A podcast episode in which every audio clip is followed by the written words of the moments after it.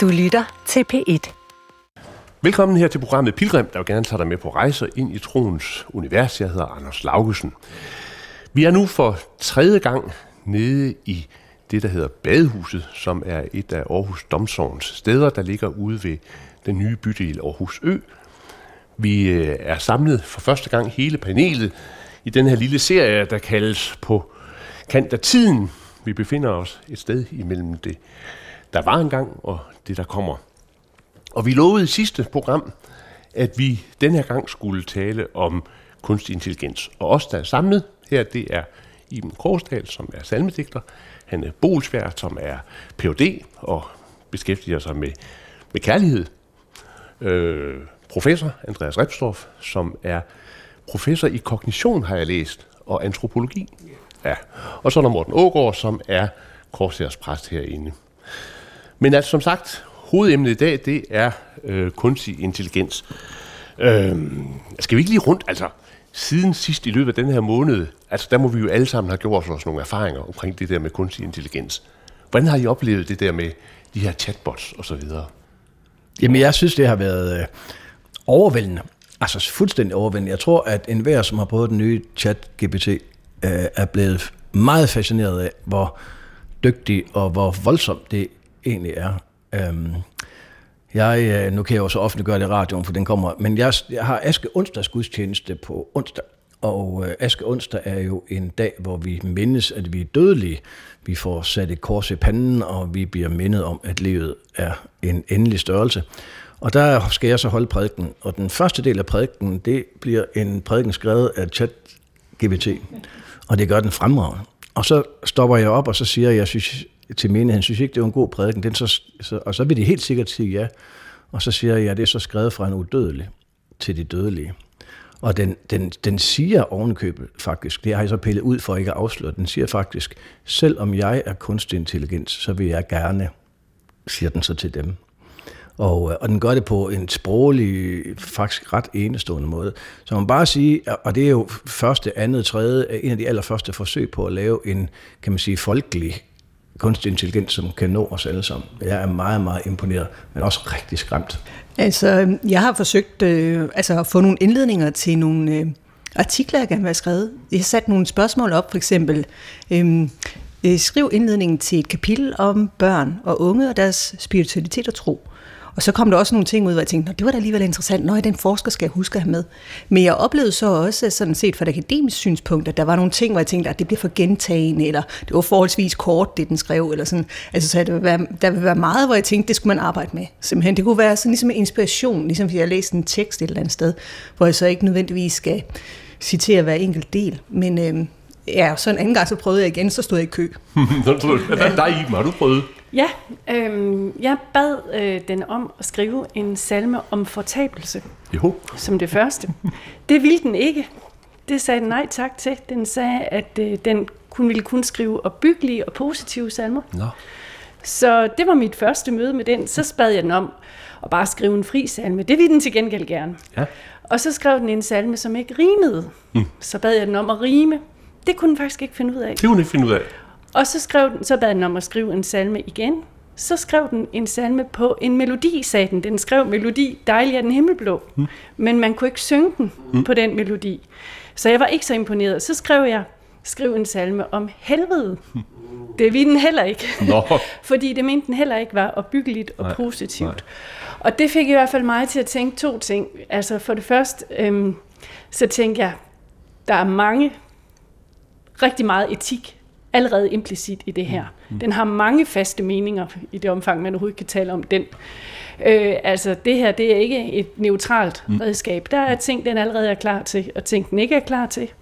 Og så tænker jeg også, at den var godt nok ikke særlig kreativ, mm. fordi den har nogle meget faste forestillinger om, hvad er fortabelse af helvede. Den var ikke i stand til at tænke andet end, at helvede og fortabelse, det må være noget med brand og ødelæggelse. Den kunne ikke tænke, at helvede kunne også være en tilstand, et menneske kan være i, mm. og som man ønsker sig at komme ud af. Så jeg var faktisk ikke så imponeret. Så, så du føler dig ikke truet på dit levebrød? Jo, på længere sigt, på længere men, sigt. men ikke lige nu. Ja, ikke lige nu, nej. Andreas Repstorff. Jamen, jeg støttede først på det for et lille år siden, hvor nogle af mine kolleger begyndte at nørde rundt i, i, i de der teknologier.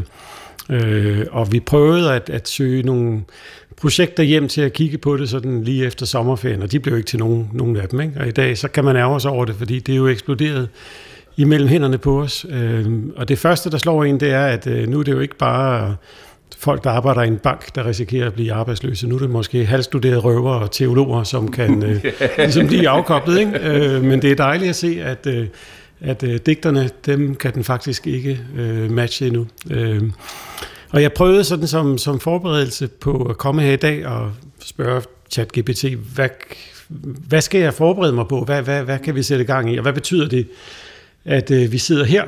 Og jeg fik svaret, at det sted, hvor man mødes, skal have betydning for samtalen og dens dynamik. I dette tilfælde kan møde i et badehus signalere en afslappet og uformel atmosfære, hvor deltagerne kan være mere åbne og sårbare over for hinanden. Samtidig kan badehuset symbolisere renhed og fornyelse, hvilket kan give en følelse af, at man kan starte på en frisk og have en åben tilgang til samtalen. Og med den invitation, så føler jeg mig egentlig sådan meget velkommen til at sidde her i dag. Jeg tror, jeg vi kan klippe ud det der. Ja, ja jeg, jeg, jeg, jeg brugte den sådan meget praktisk. Jeg var ved at sætte nogle ledninger sammen. Jeg kunne simpelthen ikke finde ud af, hvordan jeg skulle have, have det hele til at fungere. Så skrev jeg til den, og så kombinerede den altså manualer fra flere forskellige tekniske demmer, og så sagde du skal gøre sådan og sådan og sådan og sådan, og så satte jeg det sammen, og så virkede det. Men det var, det var da lidt. Ja. Ja, ikke?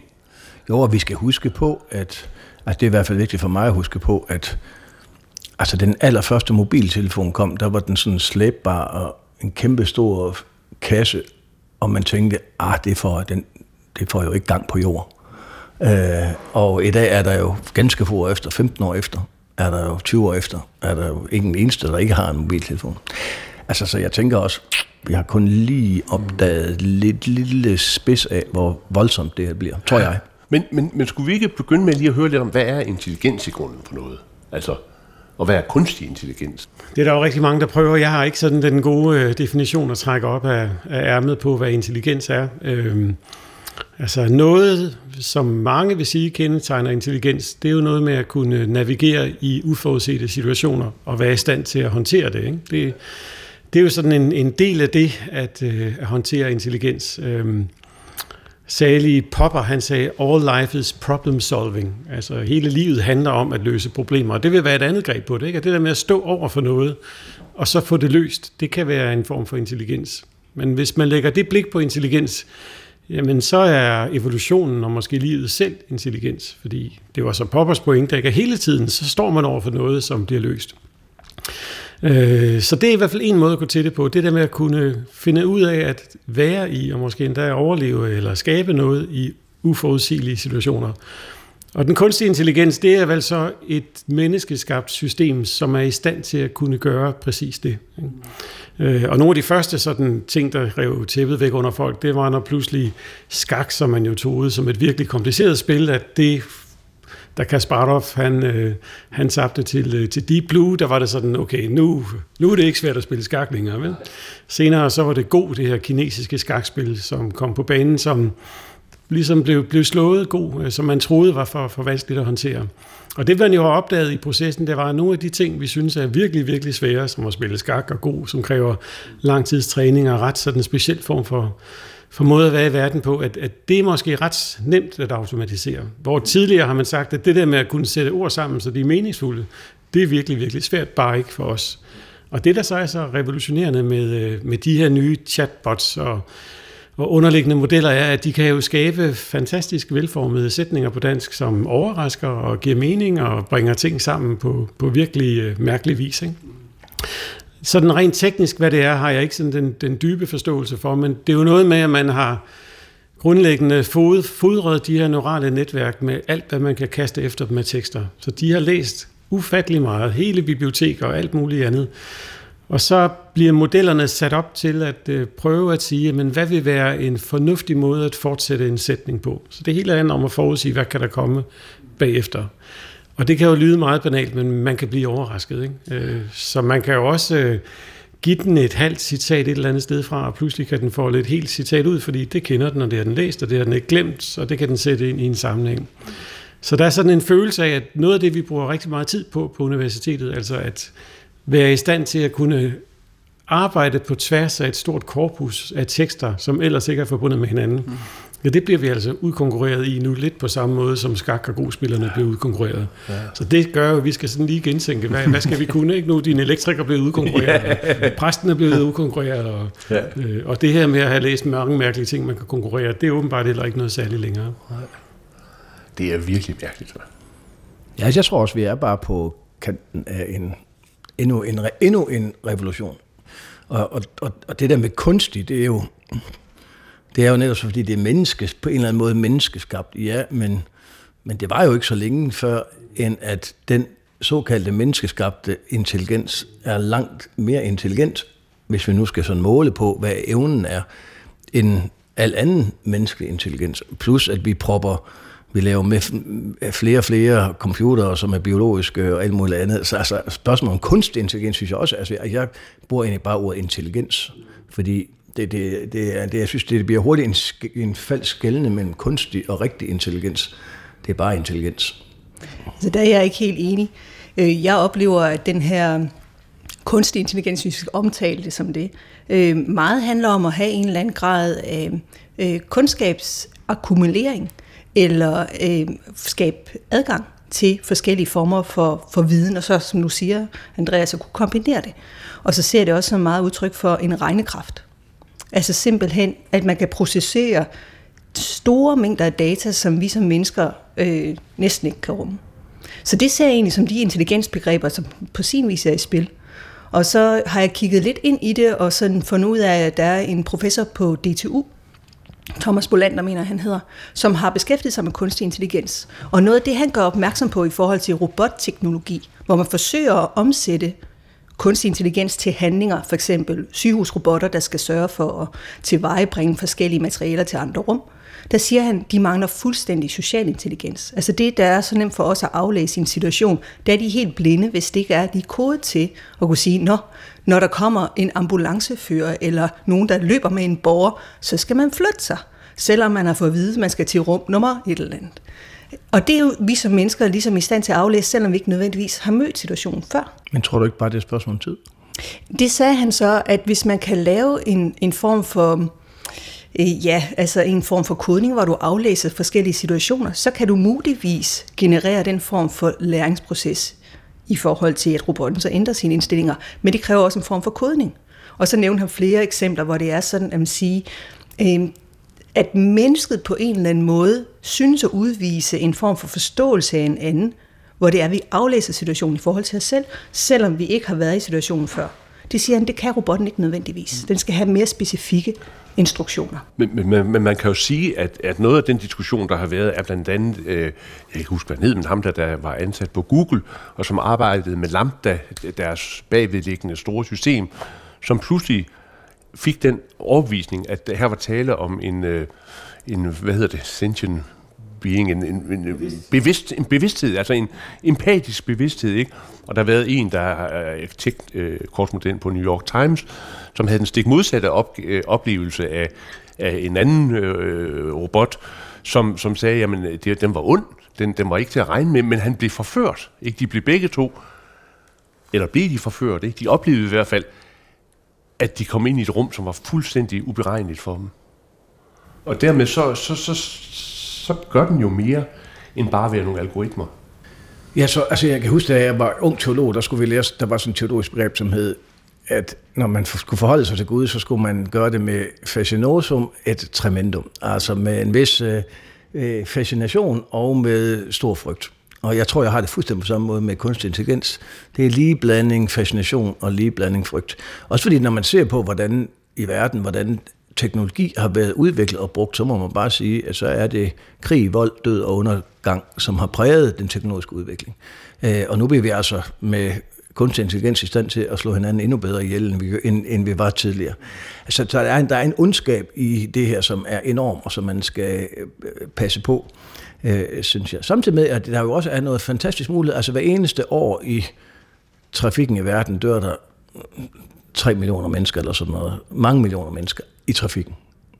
Vores børnebørn kommer jo til at sige, kørt I selv i bil? Nej, det gjorde jeg ikke. Var det ikke fuldstændig hjernedødt uansvarligt at køre bil? Så jo, men der var ikke nogen til at køre for os. Men det er der da heldigvis nu. Så nu slår vi ikke hinanden ihjel i trafikken i det mindste. Øh, så der er jo også nogle fantastisk spændende muligheder i ens kunstig intelligens. Det er klart, at lige om lidt, så må vi ikke køre bil. Fordi det er fuldstændig uansvarligt at køre bil selv. Øh, ligesom det var at ryge. En gang måtte vi ryge som sindssyge, nu fandt vi ud af, at det må vi ikke længere. Og lige om lidt må vi ikke køre bil længere, fordi det er der kunstig intelligens, der har overtaget for os. Så der er også en masse positive sider af den kunstig intelligens, som jeg også er fascineret af. Masser af spændende muligheder, men der er også, synes jeg, virkelig nogle svære ting, fordi den er svær at kontrollere. Det er måske også det, altså jeg, jeg tror, der er nok lidt lang tid, før vi behøver at være bange for, at der kommer en stor fælles bevidsthed, eller en stor ny kunstig intelligens, der overtager for os alle sammen. Men lige nu handler det vel også meget om, hvem har retten til at udvikle de her algoritmer. Hvem træner algoritmerne? Hvad, hvad er det, de bliver kodet med? De der biases, vi kan mærke allerede nu, når vi går ind, hvor kommer de fra? Og så vidt jeg har forstået, så er de fleste af dem, der sidder og, og træner maskinerne i og lærer sig selv ting nu, det er sådan nogle øh, 25-årige mænd, der sidder over i San Francisco og er på Twitter og Instagram og spiller computerspil og øh, programmerer og drømmer om at få en lidt større lejlighed og få pizza bragt til døren. Og der skal vi selvfølgelig, tror jeg, være enormt optaget af lige nu. Hvad er det, der sker, og øhm, hvem har ejerskab over de her algoritmer, og hvad er det egentlig, vi møder, når vi tror, vi måske møder noget neutralt, en eller anden neutral form for intelligens, der kan regne og har stor computerkraft. Men er det ikke også noget mere, vi møder allerede nu? Men det var enormt godt dit eksempel før i dem om, altså, hvor begrænset den ligesom kunne få lov til at udtale sig. Ikke? Også det skulle gerne være opbyggeligt, og helvede kunne kun være sort. Ikke? Og noget af det, som er jo meget øh, svært at få sit hoved omkring, og er lidt skræmmende, det er, hvor mange bindinger er der i virkeligheden lagt imellem det, der foregår i maskinrummet, og det, vi kan få noget at vide om. Ikke? Altså, denne her journalist fra, fra New York Times kom jo ud i, at han på en måde fik den til at afsløre sit eget navn, Sydney, og da først den havde gjort det, så fik de flyttet en helt anden relation hen, hvor han kunne spørge ind til måder, fordi den er programmeret til kun at ville hjælpe. Men det fandt han ud af, at han kunne komme omkring, hvis han sagde, du hjælper mig ved at fortælle, hvad du ville gøre, hvis du skulle handle ondt. Så den her dobbelte konjunktiv satte pludselig en virkelighed op, hvor det viste sig, at der var meget andet på spil nedenunder, end det man kan få fat på. Ikke? Og i den forstand, så tror jeg, at mange, både sprogforskere og intelligensforskere, er blevet overrasket over, hvor meget ligesom sprogets logik også sætter sig igennem her. Og man kan komme til sådan nogle virkelig interessante steder hen i, i dialogen med den, hvis man prøver at udforske noget af det. Ikke? Hvis man prøver at vente om, så det er den, der skal stille spørgsmål til dig. Det er ikke så enkelt at komme ind i det spor, men pludselig åbner der sig noget andet. Ikke? Øh, jeg oplevede flere gange, at øh, vi kom ud i nogle af de der mærkelige paradoxer, og så brød den sammen, og så var jeg nødt til at starte den op igen. Det var som om, at den, den ramte et sted hen, hvor den sagde, det her kan jeg ikke udtale mig om. For eksempel så tilbød den at være min eh, informant for en etnografisk undersøgelse af, hvordan det var at være en robot. Og så spurgte jeg, hvad er en informant? Og så siger man, hvis man er informant, så skal man tage hensyn til, til eh, perspektivet og synspunktet og rettighederne for den, som er informanten. Og da jeg så spurgte dem, hvordan gør jeg det med dig? Så gik den død, og så måtte jeg genstarte den. Ikke? Så det er som om, at der er ligesom nogle blokeringer, som gør det ulovligt for den at bevæge sig ind i nogle perspektivskift, som ligesom ligger i sprogets natur, og så på en måde ligger nedenunder. Det var så det, som denne her journalist fik frem til. Ikke? Og det er jo et eller andet sted enormt bekymrende for at sige, jamen hvad er det egentlig, vi kan få adgang til, og hvad er det, vi ikke kan få adgang til? Hvad sker der, når man slipper det løs, som jo nogen i sagens natur har adgang til? Ja. Og, og, og på den anden side set, så kan man sige, at hvis nu ikke der var nogen former for, skal vi sige, moral eller ja. etik ja. bygget ind i systemerne, så kunne det jo øh, altså, formentlig føre hvor som helst hen. Ikke? Fuldstændig. Altså det er helt sikkert, at hvis man kunne ryge ned i sådan et Facebook-baseret kaninhul, hvor man møder ting, som spejler en selv, så kan man jo i den grad gøre det her, fordi pludselig kan der gå en time, og så har man talt sig længere og længere ned i et spor, hvor man egentlig føler sig både hørt og set af den der størrelse der. Men hvor søren den drejer en hen, det er jo virkelig vanskeligt at forstå. Ikke? Jeg tror også, at det bliver meget, meget... Det bliver en meget stor opgave for os alle sammen, ikke at drukne i chatbotten og hente alle, alt vores oplysninger, for det er så let. Og, øh, og det er jo på den ene side så nemt, og der er så meget, meget mere jo viden, end jeg dybest set selv kan rumme. Men jeg er også helt sikker på, at du har helt ret i, at den er også formet, farvet, Og det vil sige, at den der neutrale forskning eller neutrale viden, den bliver svær at opretholde. Fordi det bliver så nemt. Det er der, der vi går hen. Hver eneste gang vi får et problem, altså prøv nu at se, hvordan unge kigger ned i deres mobiltelefon her til. De henter alle deres oplysninger derfra. De googler det, men nu behøver de ikke engang google, den fortæller den den det. Og den har tykket det i forvejen. Den har lavet det hele for dem. Og så smider det bare ud, og den gør det rundkøb på et for, temmelig formfuldt dans. Det kan godt være, det ikke er perfekt endnu, men det bliver det lige om lidt jo.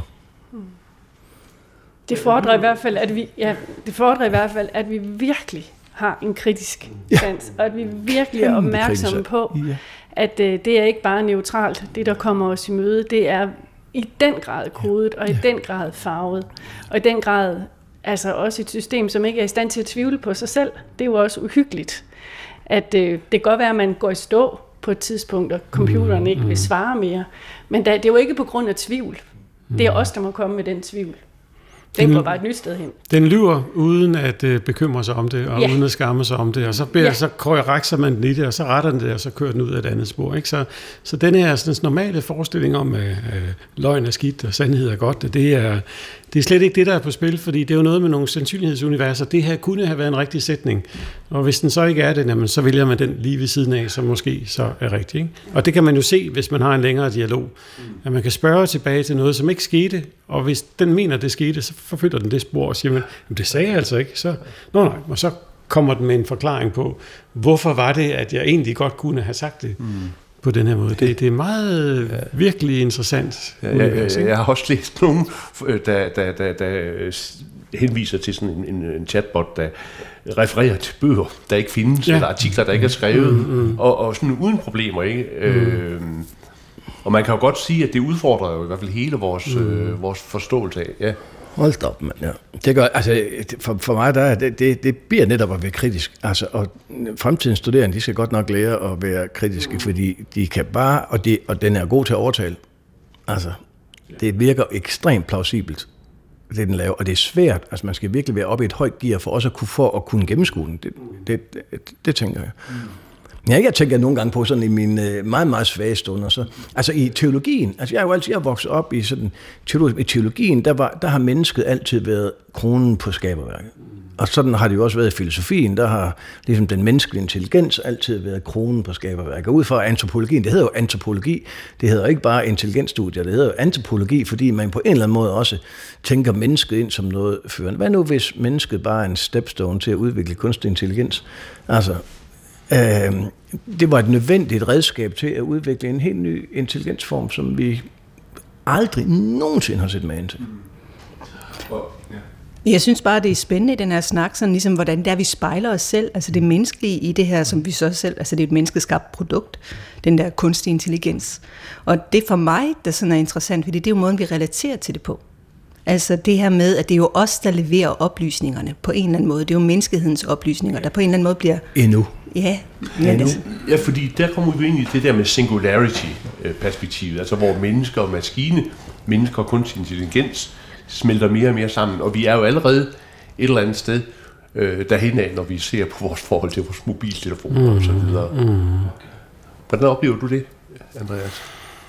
De der perspektiver? Jo, men altså det er jo en noget af det virkelig særkende ved at være menneske, det er jo den der fantastiske evne til at udvide vores krop ud i rum med andre teknologier. Ikke? Også, det er jo lige fra sten og hammer til, øh, til kognitive teknologier. Så det er på en måde en, en, en del af os, at, at vores krop slutter ikke ved kroppen, den fortsætter ud øh, i nogle vilde handlingsrum. Men, men der er de her, de, de er jo noget, noget radikalt andet, at øh, at den på en måde giver en form for svar tilbage, eller dialog tilbage, og det, det tror jeg, det, det kommer vi virkelig til at arbejde med. Jo, og den har jo den fantastiske fordel, at kunstig intelligens, den kan sådan set bevæge sig med lysets hastighed. Den er ikke underlagt alle de restriktioner, som vi andre er underlagt under. Øh, så der, hvis vi overhovedet ser universet som perspektiv, så er vi jo nødt til at se ud i en anden form for intelligens, end den, som er bundet i vores egen biologi, fordi den kommer ikke ret langt. Altså, det kommer, det, det, det kommer ikke til at ske. Men tager du også nogle helt sådan grundlæggende ting omkring, hvad det vil sige at udtale sig, hvad det vil sige at have et perspektiv, som det er som om, at Altså det ligger i sproget på en måde, som, som den også bliver fanget i det. Ikke? Altså, at man kan jo få den til at tale i mange forskellige stemmer, eller mange forskellige perspektiver, men det er som om, der er altid en rolle bagved. Så der var en, en sociolog, Goffman, der talte om, hvordan man altid er en rolle i det offentlige rum. Og på en måde er det noget af det samme, der sker, når man taler med den her chat-GPT. Man kan få den til at være enormt arrogant, eller man kan få den til at være meget ydmyg, eller man kan få den til at være meget tjenende, men det er som om, der er, der er altid en eller anden form for rolle på spil i det. Så det er jo sådan også en, altså en kopi af noget, vi kender fra vores omgang med hinanden. Den der måde, hvorpå man er en rolle i sin omgang med hinanden. Og der er det som om, at i kraft af at have læst alle de her forskellige former for tekster, når så noget bliver forudsagt som det næste, så bliver det sagt et sted fra. Og det her sted, det kan bare være virkelig mange forskellige, lidt afhængig af, hvordan situationen bliver sat op i interaktionen. Det, det er meget, det siger i virkeligheden enormt meget om, hvad sproget er for en størrelse, og hvad sproget gør ved os, og hvad krop er for en størrelse. Ikke? Ja, ja. Men man kan jo sige, at i gamle dage, øh, ja, sådan er det jo stadigvæk for nogle af os, der var der nogle ting, der næsten var mejslet ind i sten, altså som de ti bud, ikke? Altså, der var nogle religioner, der har sat nogle rammer op for omkring, hvad er øh, ordentlig adfærd, og hvilken retning bør livet have, og så videre. Og der oplever vi vel alle sammen, at, at, at lige nu der er vi i en tid, hvor meget bliver dekonstrueret, og der bliver sat spørgsmålstegn ved, ved mange ting. Og lige præcis den dekonstruktion i mødet med den kunstige intelligens, hvad kommer det til at gøre? Altså, hvad gør det hvis vores fundament for at have et etisk kompas eller sådan noget bliver sværere? Hvad, hvad gør det ved vores møde med, med kunstig intelligens?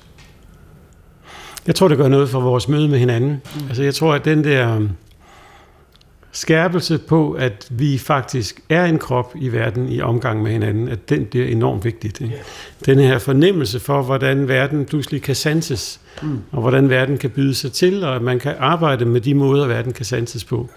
Og når man spørger chatten, så vil den sige, det, det kan jeg ikke, for jeg har ikke de former for erfaringer. Det har den jo, den har den via sproget, men den der fornemmelse for, at verden er noget, man kan dykke ind i uendeligt. Og det andet, som jo er enormt smukt i vores omgang med hinanden, det er den måde, hvor man spinder sådan spind af historie sammen på. Ikke? Mm. Øh, og mm-hmm. der kan man se igen med, med, med, med ChatGPT, den, den husker ikke så langt tilbage. Vel? Altså, den har glemt nu, hvad vi snakkede om i nat, selvom jeg er i den samme tråd. Og selvom jeg minder den om det, kan den ikke huske det. Det skal nok komme på et tidspunkt. Ikke? Men denne her, altså så at sige, evne til at have en form for autobiografisk hukommelse, som placerer mig i nogle konkrete relationer i tid og sted, bliver i virkeligheden, tror jeg, enormt vigtigt for den måde, vi er med hinanden på. Ikke? De her samskabte, konkrete erfaringer af sansninger og af oplevelser sammen. Det er måske ikke så tosset, at vi får et blik for det som noget, der er vigtigt. Ikke? Bortset fra, at det er noget af det, som, som virkelig er truet for øjeblikket. Ja. Altså, at vi, alle os, som har meget at gøre med unge mennesker og børn, vi ser jo, de sidder foran de der skærme hele tiden. Bare da jeg gik herned, altså, så alle de mennesker, man går forbi, de er fordybet i deres egne skærme, og man kan jo ikke lade være med at tænke, på en eller anden måde er det ligesom, om man bare ser nogle instrumenter for den her nye intelligens. Altså, man er bare sådan en slags marionetter, der man tror, man har det frie valg, når man trækker den der telefon op og lige skal kigge, og det har man jo ikke. Man er allerede fanget ind af det her. Og så kan vi sige til vores børn, det siger jeg selv til min yngste søn hele tiden, har du været ude og trække vejret i dag? Har du været ude og se på træerne? Har du set, der er kommet i rantis nu? Og, og hvis ikke, altså jeg skal hive ham væk fra den der skærm. Så, så jo mere vi bliver opmærksom på, at vi har brug for at være kroppe, og vi har brug for at sanse, og vi har brug for at være sammen fysisk, røre ved hinanden, og kysse hinanden, og tale med hinanden, jo sværere bliver det på en eller anden måde samtidig også at trække børnene væk fra de der, og det er jo børnene og de unge, der sidder der. Vi andre, vi har stadigvæk sådan lidt, altså vi kan godt trække os lidt væk en gang imellem, men, øh, men det er en stor, stor udfordring. Men der er måske også nogle potentialer, der ligger gemt i det, altså i forhold til den forbundethed, som du lige nu beskriver, som jo så er kropsligt funderet og ind i det sociale rum, så kan der jo også være noget omkring det her med teknologierne til vejebringer andre måder at relatere på. Ikke? Og jeg synes jo, at det er, altså det er jo tit, at der både er en gave og en forbandelse gemt i nogle fænomener, som vi, vi skal lære at omgås. Så lige nu, som du også talte om sidste gang, så kan det være, at der er nogen, der er i gang med at eksperimentere derudad. Men hvordan skaber vi sociale rum, der fungerer på digitale præmisser? Hvor, hvor andre vil sige, at det er virkelig vigtigt, at vi mærker os selv i kroppen og er præsent her og nu, som det er. Men jeg tænker bare, altså for mig at se, så er noget af det her, øh, den her eksperimenterende tilgang og måde at prøve at lære om sig selv gennem teknologierne, jo afspejlet i kunsten. Altså der er lige nu en udstilling på Traphold, der hedder Connect Me, hvor der blandt andet er en, der hedder Cecilie Vågner Falkestrøm, som arbejder med artificial intelligence ind i sine kunstværker. Hvor jeg synes, at den måde at eksperimentere med, hvad er det her for et fænomen, ind i det relationelle sociale. Så hendes kunstværk hedder, så vidt jeg husker, A Faustian Friendship, altså faustiansk venskab, hvor det er, at man lige pludselig i interaktion med kunstværket opdager, den tapper mig for data. Og det de unge mennesker, de jo egentlig gør, når de går og kigger ned i mobiltelefonen, det er at levere data. Så man finder lige pludselig ud af, at gud, der er nogen, der høster altså høster øh, livsinformationer. Der findes et, øh, et øh, mindre øh, kooperativ, vil jeg kalde det, sådan en lille firma i København, der hedder Analyser Tal, øh, som en af mine tidligere kollegaer, Tobias Bornak, er med til at skabe, og de er med i en tænketank omkring, hvordan det digitale ligesom influerer på demokratiske processer. Og de har lige lavet en undersøgelse, hvor de har eksponeret flere øh, altså dagligt brugere af øh, almindelige teknologier, for hvilke digitale spor de har lagt hen over flere år. De har fået lov til at få adgang til de offentlige søgemaskiner. Og der var en, og hun beretter bare som Gud, nej, altså det er også rigtigt, jeg har hørt det der nummer, da jeg satte mig i metroen. Det er simpelthen bare som punktnedslag på i løbet af en dag, og alt er registreret. Og jeg tror, at nogle unge mennesker vil være fascineret af Gud. Der er nogen, der lægger mærke til, at jeg var i Spanien, og så fløj jeg hjem, eller et eller andet. Men faktisk at overveje konsekvenserne af, at der hele tiden er nogen, der registrerer alt din færden. For vores egen skyld bliver det sagt, men egentlig er det jo fordi, at det bliver kommercialiseret, og så bliver det altså høstet til big data. Så det tænker jeg jo også er en måde, vi ligesom skal tænke på, hvordan det er, vi relaterer til. Ja. Du, du har ret. Jeg tror bare, det bliver helt enormt svært. Altså som i helt enormt svært. Allerede nu undres, det jo, undrer vi jo os over, at lige så snart vi taler om et eller andet, så dukker det op som reklamer på vores, øh, øh på vores øh, PC. Altså vi er jo underlagt en kontrol. Kunstig intelligens, som det her det handler om, det bruges jo overalt i samfundet allerede nu. De laver ansigtsgenkendelse, det laver overvågning, det laver alt muligt allerede. Og, og jeg tror simpelthen, at vi, vi simpelthen ikke, jeg tror simpelthen, vi simpelthen ikke i stand til helt at forstå, hvad der er, der rammer os. Mm. Altså, det tror jeg simpelthen ikke. Og så bliver vores reaktion, det bliver meget sådan lidt ind i et lille niche. Så forholder vi os, siger vi et eller andet, som i virkeligheden tror jeg er meget nicheagtigt i forhold til, hvor omfattende det her, den her revolution, som vi er startet på, den bliver. Altså, hvor jeg tænker, jamen det at, blive men, at være menneske i den her verden, det, det kan meget gerne gå ind og blive en rigtig lille, fin niche mm. øh, for nogle få udvalgte, som øh, synes, at det er sjovt. Men resten, de Altså, øh, når vi taler om intelligens, så har man jo sådan øh, en, en, en evne til at tænke, at det er noget, der handler om mig og min person, men vi har også talt om systemers intelligens. Og der øh, var der jo for nogle år siden ham James Lovelock, som skrev Gaia-hypotesen, som som i hvert fald var et af de øh, værker, der slog igennem og sagde, at øh, hele jorden er en eller anden form for intelligens, hvor, som for forsøger at, lave nogle, en kompensation i forhold til, hvad der sker osv. Så, videre. så på en måde kan man sige, at det var et intelligent system, der forsøgte at opretholde livet. Øh, og der kan man jo godt sige, hvis vi nu ser på intelligente systemer, der fodres med data, og, og der har jo lige været øh, en øh, forsker i hybrid øh, krigsførelse, der, der har advaret imod øh, TikTok, ikke? At man, øh, det, det er hvordan de tab, kineserne tapper vores børn for data der. Altså, øh, den intelligens, vi ser i de der algoritmiske systemer, er måske i virkeligheden en øh, kommersiel eller en magt eller en, en anden type af, af intelligens. Vi er jo allerede underlagt dem. Ja. De former jo vores hverdag. Mm. Fuldstændig. Altså jo en højere, langt højere grad, end vi, selv, end vi selv går tror. Vi tror, vi er autonome. Det, men, men med det vil jeg så godt øh, føre sporet et, et, et sted hen i forhold til forskellige typer af, lad os så kalde det intelligens, eller hvad man nu ja, lad os bare kalde det intelligens, ikke? fordi altså, en type systemisk intelligens kunne jo så være, at vi arbejder sammen for at opretholde livet og for at skabe det gode. En anden type øh, systemisk intelligens kunne så gå i retning af magt eller økonomisk udfoldelse, eller hvad ved jeg. Øh, men hvad, hvad tænker I om, om det med ligesom at tænke den kunstige intelligens ind i de store systemers intelligens, og hvad hvad er det for nogle præmisser, der styrer de store systemers intelligens, hvis ikke det er, hvad skal vi sige, religionerne, som det, der ligesom peger, peger en eller anden retning ud? Altså, Morten havde jo den der idé om, at måske er vi kun et uh, skridt på vejen til udviklingen af den der superintelligens, som vi så har skabt, men den ligger uden for os. Uh, det er jo sådan lidt en, en dystopisk tanke at tænke igennem, ikke? fordi for det første, så er det klart, at hver eneste gang, man interagerer med den, så træner vi den. Ikke? Ja. Det, det kan vi slet ikke lade være med. Det er ikke bare, at vi giver den data, den øver sig på os, eller den øver sig igennem os, og det gør det er denne her model tusind gange samtidig. Samtidig har den dit nummer. Fordi for at du overhovedet kan få ind og få fat i den, så skal man opgive sit telefonnummer, fordi det skal den bruge til sådan en to-faktor ting. Ikke? Og den har en e-mailadresse, så man er faktisk også tilgængelig og synlig øh, bagefter. Og hvis man så går skridtet videre med, med din Gaia-hypotese, så vil Gaia-hypotesen siger jo, at, at, at, at jorden er en sådan type, at ligesom over tid, så udvikler den sig mere og mere. Den, den får mere og mere ud af den solenergi, der rammer den. Ikke? Mm. Der er mere og mere diversitet, der bliver skabt på, øh, på jorden, i kraft af noget, vi ikke forstår.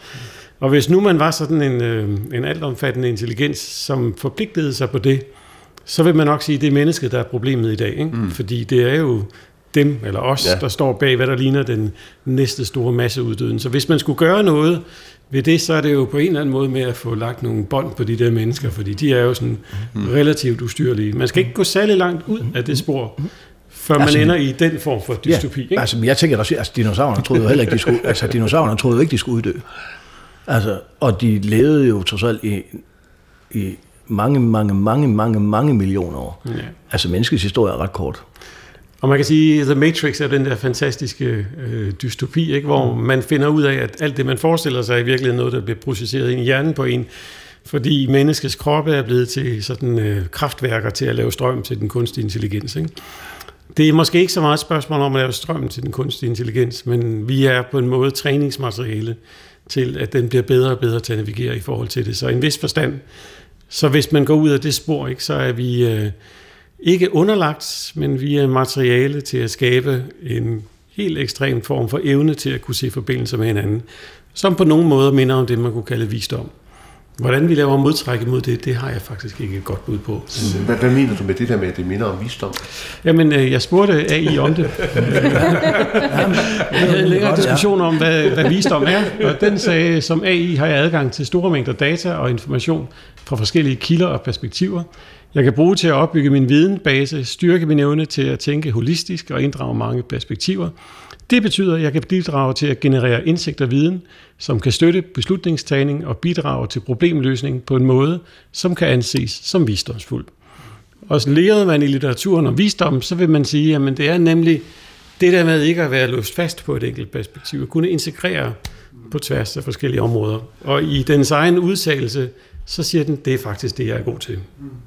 Jeg spurgte den i, for, i den fornemmelse, for jeg spurgte den lidt kritisk, altså, at hvad skal man bekymre sig for? Så skrev den faktisk et digt til mig, det rimer heller ikke uh, specielt godt, men bare, jeg, jeg, jeg læste bare det sidste vers, så skriver den, kunstig intelligens er dobbeltsidigt svær, en potentiel kilde til magt og fremgang, men også et færligt, farligt værktøj, som vi skal overveje for at undgå at miste vores frihed.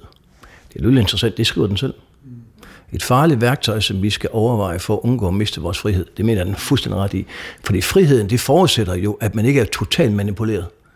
Og, og allerede nu er vi rigtig meget manipuleret. Men, men det jeg sådan ligesom øh, oplever i det, det er jo, at altså, det er jo en vidensgenerering, der finder sted her. Altså det her med, at den trækker på nogle kilder, sætter noget sådan information sammen, og så præsenterer det. Og det er jo ikke nødvendigvis et selvstændigt bidrag. Altså, det er jo noget, den har fundet et eller andet sted, som nogen har udtalt sig om. Jo, jo, men det er, det, det, det, altså, jeg anerkender, at der er nogen få her i verden, der kommer med selvstændige bidrag. De fleste af os, vi er jo bare kopimaskiner.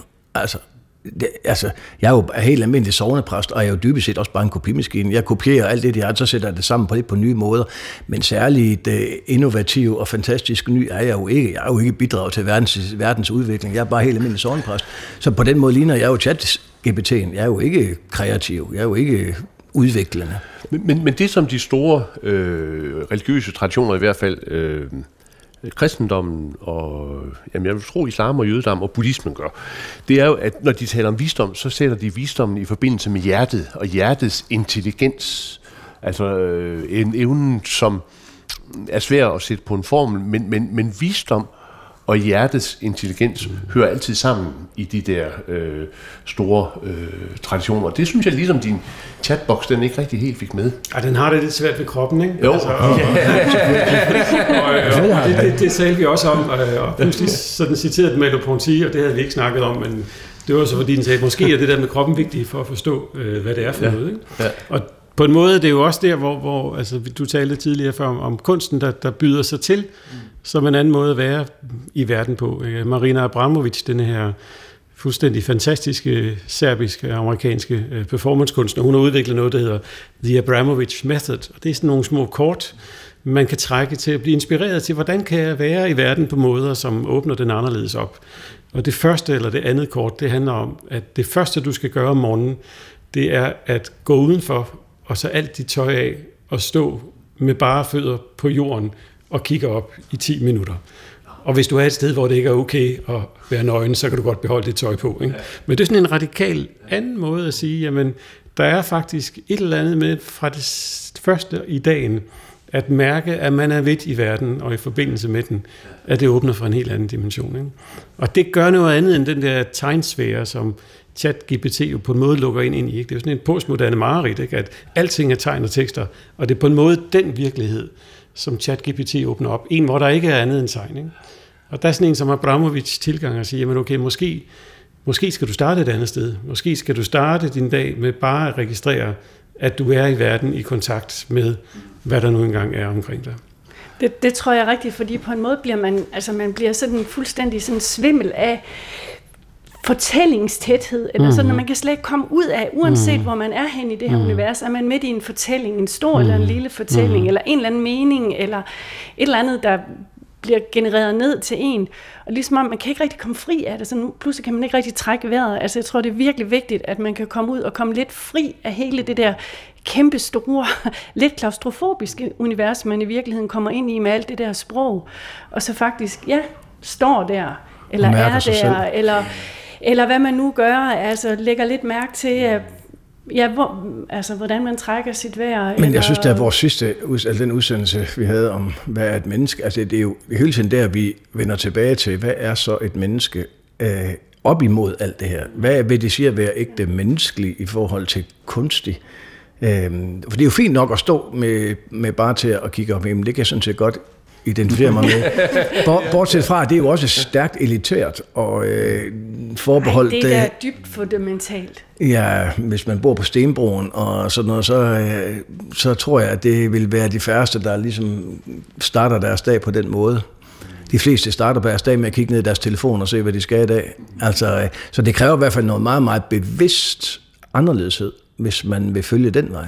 Og om den er, den er jo på en eller anden måde også en, den er jo også lidt kunstig. Men vi starter jo som mennesker i kroppe. Altså det er jo helt fundamentalt for os, ja. at vi hører først hjemme i vores egen krop, og så... Ja. Øhm, så det, det tror jeg ikke, altså det behøver ikke være sådan, at vi alle sammen skal meditere to timer hver dag, men have en bevidsthed om, at vi findes i verden i kroppe, og at vi er kroppe. Det er, det er i hvert fald vigtigt. Og så måske den der, øhm, altså at man er dybere end en computer at der er ikke ret meget dybde i den tekst, man bliver præsenteret for, men at der er en eller anden sådan, altså en flertydighed i et menneske, en, en fordobling af alt, hvad man gør, eller at man, øhm, nu sidder vi her og snakker, og vi har alle sammen muligheder for at gøre mange ting. Vi sidder bare og taler helt almindeligt, men man kunne også rejse op og slå hul i vinduet, eller slå en ihjel, eller, øh, eller kramme en, eller ja, man, gør, man kunne gøre vilde ting. Altså, vi har hele tiden masser af muligheder inde i os på en gang. Masser af længsler, masser af forestillinger, ting vi erkender og ting vi ikke erkender. Og det er jo det, der er med til at konstituere os, at vi er så dybe på en gang. Øhm, og den dybde tror jeg, vi skal holde meget fast i. Mm. Det tror jeg, du har fuldstændig ret i.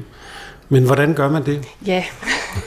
ja, fordi man kan godt sige, det, det vi, vi ligesom er ved at tegne op her, det er jo sådan en verden, hvor der på den ene side er øh, systemerne og ordene og økonomien og en hel masse ting, der kører afsted i øh, øh, mere eller mindre øh, forståelige kredsløb, og hvor man tænker, hvor meget kan jeg egentlig påvirke det? Og så på den anden side set det, det sanslige, sansende, følende øh, menneske, som jo dybest set er det, fordi det også er sårbart. Ikke? Altså, der er jo en enorm sårbarhed i den der, det der sansen øh, følende menneske i forhold til systemerne. Altså, det kender vi jo alle sammen. Og det er vel også der, at den, altså den menneskelige intelligens kommer ind. Altså ind i det, det, der relaterer, det, der indlever sig, det, der på sin vis udfolder en eller anden form for visdom i kraft af sin indlevelsesevne. Mm. Eller sin dybde, som du kalder det i dem. Mm. Har, har religionerne nogen, hvad skal vi sige, intelligens eller noget at, at, at byde med ind? Har øh, den kristne tradition øh, altså, noget at byde med ind, ind, ind i den her, at de her udfordringer, vi står? Altså jeg tænker i hvert fald tit, at altså, hvis vi ligesom overhovedet skal holde fast i det menneskelige, så bliver vi stadigvæk nødt til at sætte det menneskelige meget højt. Altså, det bliver helt afgørende, tror jeg, i fremtiden, det er, at hvis mennesket skal have en bare fornuftig fremtid i de kommende 100 år, så tænker jeg, så bliver vi nødt til at sætte mennesket enormt højt. Fordi det kommer kunstig intelligens ikke til. Og det kommer alle mulige systemer ikke til, tror jeg. Og der, der, der synes jeg, der bliver der et kæmpe behov for at hele tiden have fokus, altså blandt andet det fokus, som kirken har på, at det er menneske først og sidst, altså at Gud skabte himmel og jord, og sluttede med at skabe menneske, og så se, det var så godt. Og så med alle de implikationer, det nu, nu har, men hold fast i det menneskelige. Fordi jeg synes, at jeg oplever jo øh, i det daglige, at det bliver svære og svære at holde fast i det, der så skulle være os selv som jeg jo mere og mere oplever som en manipuleret størrelse. Det, jeg har svært ved nogle gange at skelne mellem, hvad er, den, hvad er det ægte menneskelige, og hvad er det hele den manipulerede virkelighed, som man omgiver. Fordi det er jo det, man, der former ens sind, ens bevidsthed, det man ser.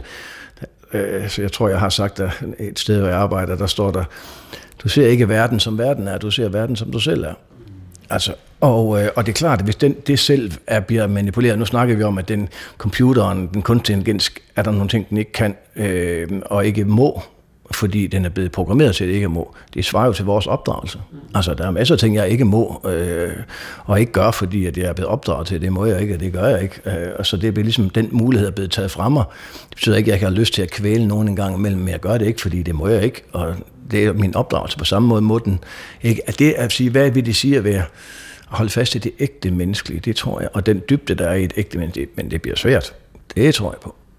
Jeg tror, at, øh, at man for eksempel fra kristendommen, som er den, jeg ved mest om, der tror jeg, at man både kan hente øh, altså mod, faktisk, håb, øh, at der er et, et lys og en, et, altså en forhåbning, tror jeg, vi kan gøre os om, at det her det ender forholdsvis godt på en måde, som vi ikke kan forudsige, men også at man i kristendommen kan hente en oplysning af det enorme mørke, der ligger i det her. Altså det, man i sådan kristne termer vil sige, at mennesker er syndige. Altså at der er, en ting er, at vi stiller nogle idealer op for, hvordan livet skal være, noget andet er, at det kan vi ikke leve op til. Øhm, og det tror jeg, vi har brug for. Altså både en oplysning af vores mørke, og så også, at vi har et håb om, at det her det også kan føre nogle gode steder hen, mm. selvom det er sindssygt farligt. Jeg ved ikke lige, om jeg kan reflektere det ind i en bestemt religiøs tradition, men jeg synes noget af det, at vi ligesom taler rundt om, det er, hvorvidt den her teknologi har en form for intentionalitet. Altså om det kan være ondt, om det kan kontrolleres. Altså fra mit synspunkt, så er det jo os, der opdrager det. Det vil sige, det bliver til en eller anden form for genspejling af det menneskelige. Det vi møder kommer men, jo igen. Men allerede nu vil jeg anfægte, de droner, der flyver derovre i Ruin, de er programmeret til at identificere folk, og de identificerer dem, de vil. Der er ikke nogen mulighed for at tage ind, og du kan ikke, der kan, du kan ikke stoppe den. Når du først har sendt den afsted, så træffer den sin egne valg, identificerer dem, den slår ihjel, og så slår den dem ihjel. Men det den vil være kodet på en måde, så den har en mulighed for at identificere. Ja, den skældner så ikke på den nuancerede måde, som vi selv vil opfatte, at vi gør. Jeg tror bare, at de nuancer, de bliver rigtig svære at gennemskue lige om lidt, du kan simpelthen ikke gennemskue, om, den, om hvad var det ene, der, hvad var det ene, der traf den beslutning? Hvilket grundlag blev den beslutning egentlig truffet på? Var det fornuftigt, eller var det menneskeligt? Var det... Oh, jeg tror, det bliver svært. Allerede nu synes jeg, at jeg bliver sat af af kunstig intelligens. Jeg er faktisk øh, jeg er glad for, at I ikke er imponeret. Jeg er, sådan, jeg, jeg er skræmmende imponeret altså over, at det er første version, og så er den så dygtig allerede. Ja. Det er helt vildt. Øh, altså det, det er virkelig rystende, ja. hvor, hvor effektivt det har vist sig at være. Og det er jo også kommet bag på mange computereksperter og sprogfolk, hvor præcist man har ramt. Ikke? Men, men noget, som ja, det er måske den virkelig banalt, ikke? Men, men, men hvis nu hvis nu det er som om, at, at, at denne her omnipotens, der ligger i det, den går sådan hånd i hånd med en, tror jeg, en anerkendelse af, af en livets skrøbelighed, ikke blot hos den enkelte, men også hos den anden. Ikke? Og, og det er måske der, man så står tilbage, at, at det er så det, som vi har, der man kan... Altså, jeg får lyst til at tage min kone i hånden og gå en tur med hende, Ja, når jeg har været Altså, det må jeg sige, det er det, den udløser hos mig. Ja. Fordi det er lige her nu, at livet skal leves øh, et- med den varme og med den yderst begrænsede og lidt primitive form for liv, jeg repræsenterer. Øh, fordi sådan tænker jeg også. Altså, når jeg møder den, så opdager jeg, tænker jeg, ui, hvor er du primitiv, Morten. Altså, hvor er der mig? Øh, øh, det vil min kone også sige. Øh, men men, men, men det, er sådan, det, det er faktisk noget af det, den udløser i mig. Hvor kan du i virkeligheden lidt? Hvor er du primitiv? Og lige nu er du overhalet på alle parametre. På alle parametre. Og det skal jeg lære at leve i. På en eller anden måde. Men skal man ikke også midt i det, um, altså jeg kender godt den der tanke om, at ej, det går så hurtigt nu, og alting forandrer sig, og var det godt, jeg ikke er 20 år i dag, fordi jeg vil aldrig kunne forstå, hvad der sker, og spis, drikke og være glad, at man resignerer lidt og tænker, det kommer jeg aldrig til at forstå det her, det bliver ikke i min tid, og sådan. Men på en eller anden måde bliver man jo også nødt til at um, prøve at mande sig op, eller at agere myndigt i det her, og, og sige, at der er nogle udfordringer, som vi har pligt til at forholde os til alle sammen. I stedet for, altså det er ikke fordi, der er noget galt med at gå på den der tur, men at man også bliver nødt til at tage de her diskussioner hele tiden om, hvad er et menneske? Hvad vil vi tillade? Hvordan lovgiver vi omkring det her? Hvem er det, der får lov til at køre løbet? Hvad bruger vi vores fokus på, mens tech-giganterne har gang i en hel masse ting? Hvad er det så egentlig, vi bruger vores tid på? Men du har jo så Sidder meget vi ret. og ser Netflix derhjemme om aftenen, fordi Jamen, vi Iben, orker det ikke? Men du har jo så, altså i min fuldstændig ret. Jeg oplever bare, at vi har, vi lever et lille bitte, bitte småhul, hvor den diskussion egentlig er legitim. Langt de fleste steder, den er den jo ikke legitim. I Kina, der er de ansigtsgenkendelse overalt. Alle bliver genkendt øh, alle steder. Og systemet kører bare med dem. Altså, hvor er din personlige frihed over for kunstig intelligens der? Hvor er diskussionen henne? Og jeg tror, det gælder langt de fleste steder jo. Altså, der tænker jeg, der er vi jo utroligt privilegeret, at vi overhovedet tør vil diskutere, om vi skal have offentlige øh, kameraer, som identificerer, hvor vi går og står hele tiden. Præcis, hvem vi er. I- Det, det gør vi i Danmark, men massevis af steder, det, det stiller mig jo ikke spørgsmålstegn ved det. Men, men man kan jo i hvert fald sige, at, at noget af det, der bliver afgørende, det bliver jo samtalen omkring, hvem er det, der, altså, hvem er det, der får lov til at bestemme, hvordan algoritmerne skal se ud, ikke? Øh, og, og der kan man jo godt sige, at, at, at som det er for øjeblikket, så har vi Kina som et skræmmeeksempel, men altså i Vesten, der har vi nogle, nogle tech-giganter, som er totalt lukkede. Der kan man heller ikke tale om, at vi nødvendigvis ved, hvordan det lige, det lige er. Så måske den der, hvad skal vi sige, frihedskamp, som vi jo måske befinder os midt i lige nu, også i forhold til Ukraine og totalitære systemer, måske den i virkeligheden øh, burde øh, tvistes på en endnu en måde, øh, sådan, så, øh, sådan så den også øh, kiggede kritisk ind imod øh, vores egen indfældighed i en eller anden, øh, ja, hvad ved jeg, øh, informationskapitalistisk... Øh, Jamen, jeg mener bare om, at den sagde her, da jeg spurgte dem, men også et farligt værktøj, som vi skal overveje for at undgå at miste vores frihed. Det er bare rigtig svært, fordi jeg kan ikke engang gennemskue den nu. det kan jeg ikke. Men der er også nogle helt klassiske etikdiskussioner, ikke, som bare dukker op igen. Altså, nogen kalder, taler om sådan en, en brug for en sekulær etik. Altså, der er, overhovedet det kunne åbne nogle felter for, men hvad, hvad er okay i omgangen med hinanden? Ikke? Også, hvad, hvad er det for en forpligtelse, man har over for hinanden, når man er levende sammen med hinanden? Jeg tænker, sådan nogle spørgsmål bliver... De bliver vigtige ikke på den elitære måde blot, men faktisk fordi det bliver et anlæggende, som man kommer til at mødes med hele tiden. Ikke? Og der tror jeg, at kirken har rigtig meget på spil der. Altså, det er den diskussion, vi skal ind i som kirke. Og der skal vi være meget, meget synlige. Og, og, og kan man så, hvis man nu skulle sætte en eller anden form for streg under det, vi har talt om, kan man så sige, at det virker som om, at, at det eneste, vi ikke kan gøre, det er bare at læne os tilbage og så øh, øh, vente på at se, hvad der sker. Vi bliver nødt til at tage livet alvorligt. Jeg Og tror så- bare, hvis vi læner os tilbage i, i fremtiden, Anders, så mister vi fuldstændig vores frihed, men vi gør det uden at vide det. Mm. Vi opdager det ikke. Nu er vi så ved at nå til, til, til vejs ende. Øh, vi skal lige høre, Andreas, fik, øh, fik din chatbot øh, ret i, hvad det var, vi kom til at tale om? Som en teolog, en æstetiker, en antropolog og en religionsforsker, så vil I diskutere en række emner om konsekvenserne af I, herunder Gud og mennesker, æstetik, Antropologi, hvordan påvirker AI arbejdsstyrken? Religion, hvordan kan religion bruge AI til at nå flere mennesker og forbedre deres oplevelser? Og etik, hvordan kan vi sikre, at AI bruges på en etisk ansvarlig måde? Og alle de emner tror jeg, at vi i en vis forstand kommer omkring, så vores samtale har på sin forunderlige, uforudsigelige vis nok været ret forudsigelig. Og hvis vi nu koblede sådan en til forskellige stemmer, så kunne det være, at vi kan låne mere næste gang. Ja, næste gang, så, så og det er så øh, en kunstig intelligens i den, og kun... ja. Og det bliver så de sidste ord fra øh, Badehuset i dag. Tak til salmdigter Iben Krogsdal, postdoc Hanne Bolsbjerg, professor Andreas Repstorff og Korshærs præst Morten Ågaard. Jeg hedder Anders Laugesen. Tak fordi du lyttede med, og forhåbentlig på genhør om en uges tid.